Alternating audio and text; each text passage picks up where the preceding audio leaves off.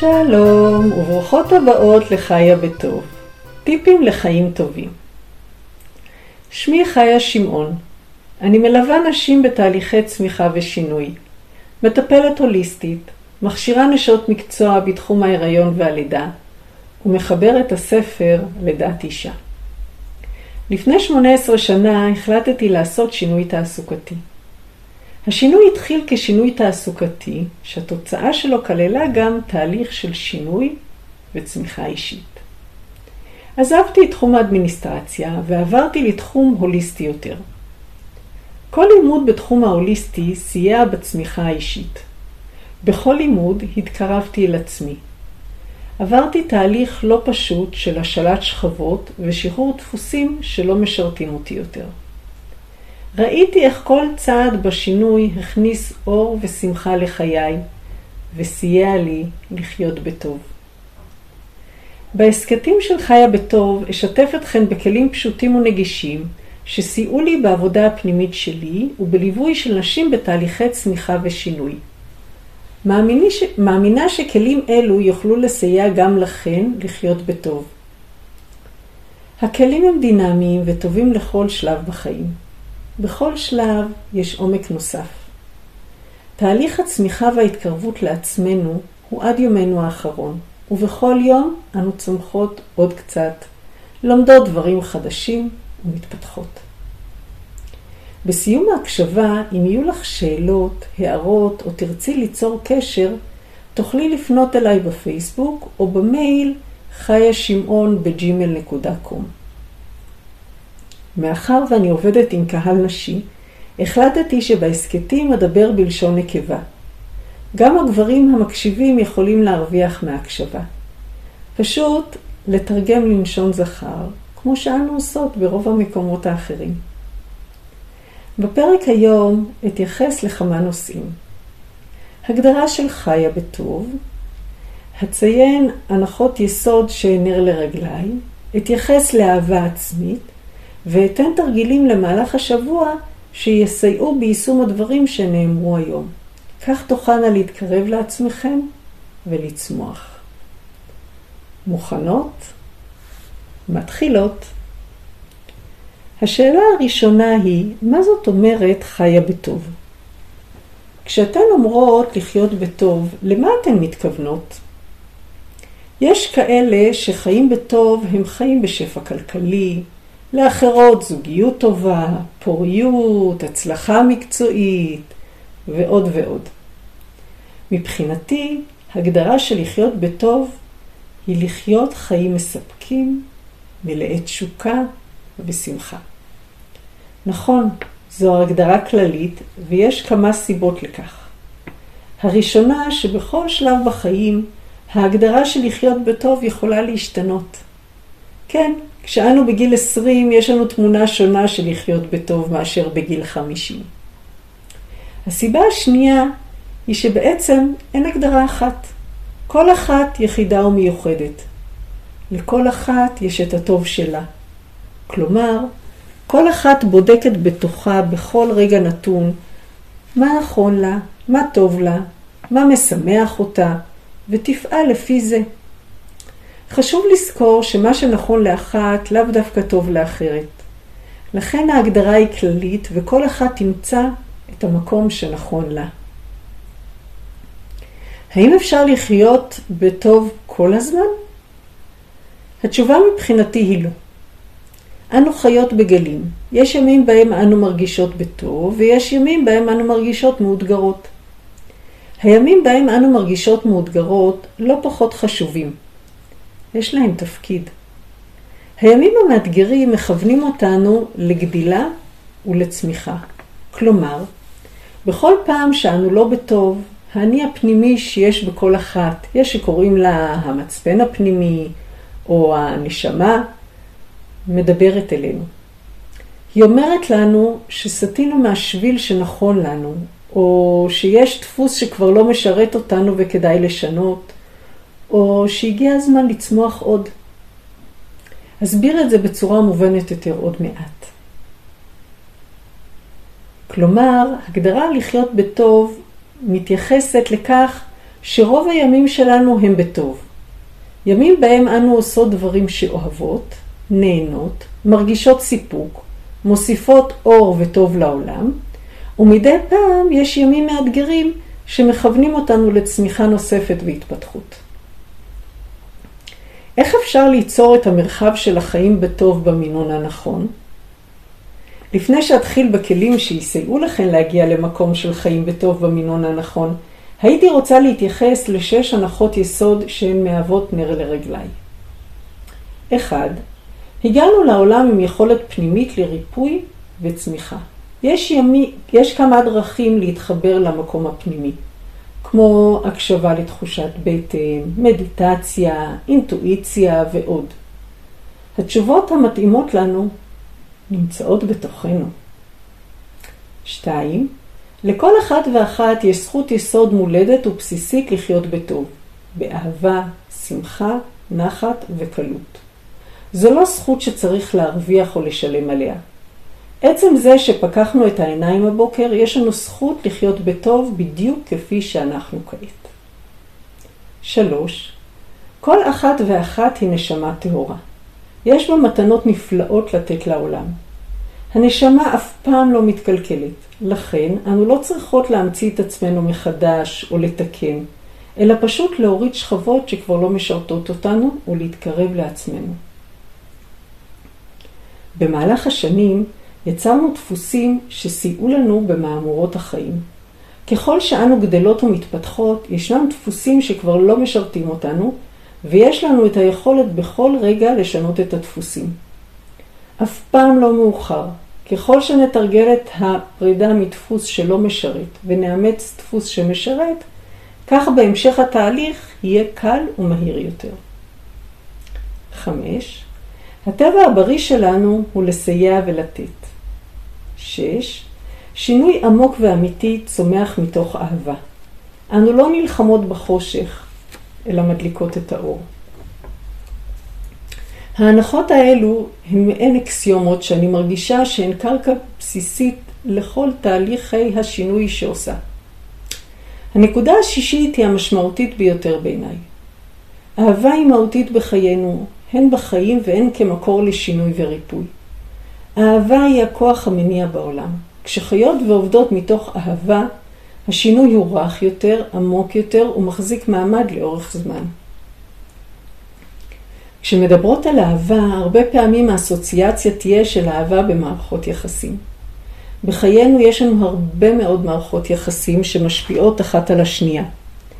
זה מתחיל עם ההורים, אחים, חברים, בני זוג, חברים לעבודה ועוד ועוד.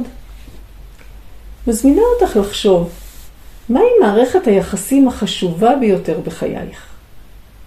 איזו מערכת יחסים בחייך משפיעה על כל מערכות היחסים האחרות? מערכת היחסים החשובה ביותר בחייך היא מערכת היחסים שלך עם עצמך. מה זאת אומרת מערכת היחסים שלך עם עצמך? התשובה לשאלה זו תהיה איך תעני על השאלות הבאות. כמה את אוהבת את עצמך? מה את חושבת עלייך? כשאת מסתכלת במראה, מה את מרגישה? במערכת היחסים שלנו עם עצמנו היא לרוב די מורכבת, מאוד ביקורתית ותלויה בדבר. כבר אסביר את הנושא. קודם רוצה לעשות תרגיל קטן. מזמינה אותך לחשוב על דברים שאת טובה בהם. אם יש לך דף ועט, השלימי את המשפט, אני ממש ממש טובה ב. כמה פעמים שאת יכולה, ובכל פעם השלימי את המשפט עם סיומת אחרת. למשל, אני ממש ממש טובה בבישול, או אני ממש ממש טובה בלהקשיב, או אני ממש ממש טובה בעבודה שלי. כל אחד במה שהיא טובה. אם אין לך דף, חשבי בראש. את יכולה להפסיק את ההקלטה, לחשוב או לרשום ולהמשיך. כמה דברים רשמת? האם עלה קושי לציין את הדברים שטובים בך? לפעמים קשה לנו לציין דברים שאנו ממש טובות בהם מכמה סיבות. יכול להיות שנרגיש שזו גאווה לציין דברים שטובות בהם. יכול להיות שתעלה ביקורת. אני טובה, אבל אה, לא ברמה של ממש ממש, או יש הרבה יותר טובות ממני, או אני עדיין לא טובה מספיק. יש לי עוד ללמוד ועוד ועוד. לפעמים קשה לנו לראות את הטוב שבנו, מסיבות של חינוך, יחס הסביבה, צורות חשיבה ועוד. עוד תרגיל קטן. הרגישי בלב, האם את ראויה לאהבה? אם כן, השלימי את המשפט. אני ראויה לאהבה כי, ובכל פעם השלימי עם סיבה אחרת. אם לדעתך את לא ראויה לאהבה, רשמי אהיה ראויה לאהבה כש. ובכל פעם השלימי את המשפט עם סיבה אחרת. אם אין לך דף, חישבי בראש. את יכולה להפסיק את ההקלטה, לחשוב או לרשום, ולהמשיך. איך זה הרגיש לך? מאוד טבעי להרגיש שאנו ראויות לאהבה, כי אנחנו בסך הכל בסדר. אנו פועלות למען אחרים, אנו משתדלות בעבודה, אנו עובדות קשה וכולי. לפעמים, אמנם לא נעים להרגיש את זה, אבל אנו מרגישות שאנו לא ראויות לאהבה. נרגיש שאנו צריכות להרוויח את האהבה, או להרוויח את המקום שלנו בעולם. כפי שציינתי בהנחת יסוד השנייה, להיות ראויה לאהבה זו זכות מולדת. לא צריך להרוויח אותה ולא צריך להצדיק אותה. אנו ראויות לאהבה תמיד בדיוק כפי שאנחנו עכשיו. נכון, תמיד יש מקום לשיפור וצמיחה, אך זה לא משפיע על הזכות המולדת שלנו לאהבה בדיוק כפי שאנחנו. התורה שלנו מוסיפה עוד נופח להנחת יסוד הזו. בספר ויקרא כתוב, ואהבת לרעך כמוך. כלומר, קודם צריך לאהוב את עצמנו, אחר כך נוכל לאהוב את האחר. אנו מצוות לאהוב את האחר כמו שאוהבות את עצמנו. כלומר, ככל שנאהב את עצמנו יותר, כך נוכל לתת יותר אהבה לאחר.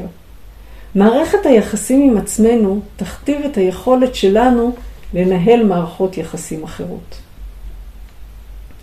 לאהוב את עצמנו זה חלק מהטבע הבריא שלנו. תסתכלו על ילדים קטנים, כמה הם מרוצים מעצמם, כמה קל לשמח אותם, כמה טוב להם בפשטות. במהלך השנים נאמרו לנו משפטים באהבה, מתוך רצון לחנך, לכוון, לשפר, וההשפעה שלהם יכלה לכסות קצת על תחושת האהבה הבסיסית שלנו. משפטים כמו, מי תרצה להיות חברה שלך כשאת לא חולקת? את לא תצליחי. את לא יודעת מספיק. את לא מספיק טובה.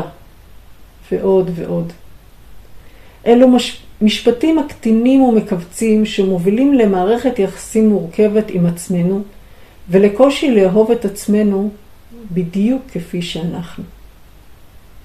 לחדד את הצורך לאהוב את עצמי ובזכות כך הנתינה שלי תהיה טובה יותר, אספר משל. דמיינו באר מים חיים שבתוכה יש נביאה. הנביאה ממלאת את הבאר, וכשהבאר מתמלאת היא עולה על גדותיה, וכל הסביבה נהנית ממים חיים וצלולים. הסביבה מלאה בפרחים צבעוניים, עצים נותני פרי, יש מקום מגורים לציפורים, פרפרים ועוד. הבאר מלאה וכל הסביבה פורחת. מה יקרה אם יתחילו לשאוב מים מהבאר מהר יותר מאשר הנביאה ממלאת את הבאר? לאט לאט ירד מפלס המים ונגיע לתחתית הבאר. המים שם לא כל כך צלולים ופחות מזינים את הסביבה.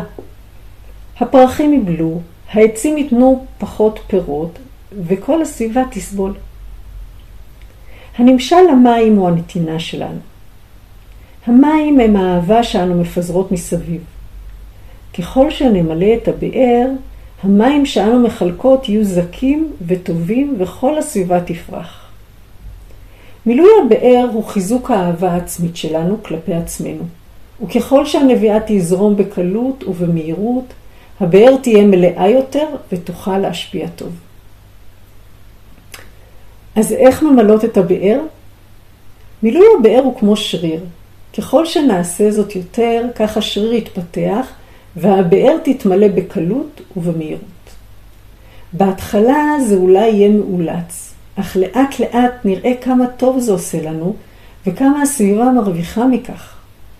ובנוסף, הבנות שלנו יראו איך אישה דואגת לעצמה, ממלאת את הכוחות והאהבה בתוכה וכך יכולה לתת ולהאיר את העולם. הנה שלושה טיפים איך למלא את הבאר. אלו רק רעיונות.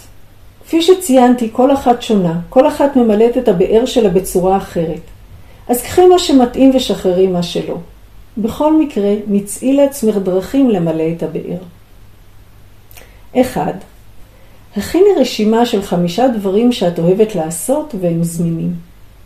יש לא מעט דברים בחיינו שגורמים לנו הנאה ושמחה. סריגה, קריאה, ליצור דברים חדשים, ללמוד, ללכת למסעדה ועוד ועוד. חשבי מה מענה אותך והכיני רשימה. חשוב שהדברים יהיו זמינים, כלומר, אם משמח אותך לטייל בעולם, כרגע זה לא כל כך זמין ולכן לא רלוונטי. נסי לעשות השבוע לפחות דבר אחד מהרשימה. 2. תני לעצמך חצי שעה כל יום, בה את עושה משהו שאת אוהבת. את יכולה לקרוא ספר, לשחק במחשב, לשתות קפה, לדבר עם חברה, אולי משהו מהרשימה הקודמת. פני לעצמך זמן ביומן, חצי שעה לעצמך. חשוב לבצע את הזמן הזה לא כי הרווחת אותו או סיימת את כל המטלות ואת יכולה, אלא הזמן הזה הוא חלק מהמטלות שלך. כי מגיע לך כזכות בסיסית. שימי לב איך את מרגישה אחר כך. שלוש, שימי מחברת ועט ליד המיטה. בערב, לפני שאת הולכת לישון, רשמי לעצמך חמש דברים של הכרת הטוב. כלומר, חמישה דברים שאת מודה שנמצאים בחייך. יכול להיות תודה על משפחה שאוהבת, או תודה על בית נעים לחיות בו, תודה על מזג אוויר נעים, תודה על מזגן בבית שמסייע בימים חמים או קרים, ועוד ועוד. בנוסף, רשמי חמש כל הכבוד לי. כלומר, כל הכבוד על דברים שעשית. זה לא צריך להיות אה, המצאה לתרופה לקורונה. כל דבר קטן שאת עושה הוא לא מובן מאליו. כן, זה שהגעת לעבודה היום בזמן, ששטפת כלים, שהכנת אוכל, כל דבר שעשית הוא לא מובן מאליו. ומגיע לך כל הכבוד. לאחר שתעשי את כל הדברים, שימי לב איך את מרגישה? איך זה גרם לך לעשות את הדברים שטובים לך ולציין אותם? אם בכל יום נעשה את הדברים האלו, האהבה העצמית שלנו תתבסס, תגדל, ומשם יהיה קל יותר להמשיך. זהו להפעם. בפעם הבאה ארחיב עוד על הנושא של אהבה עצמית. כאן חיה שמעון להתראות.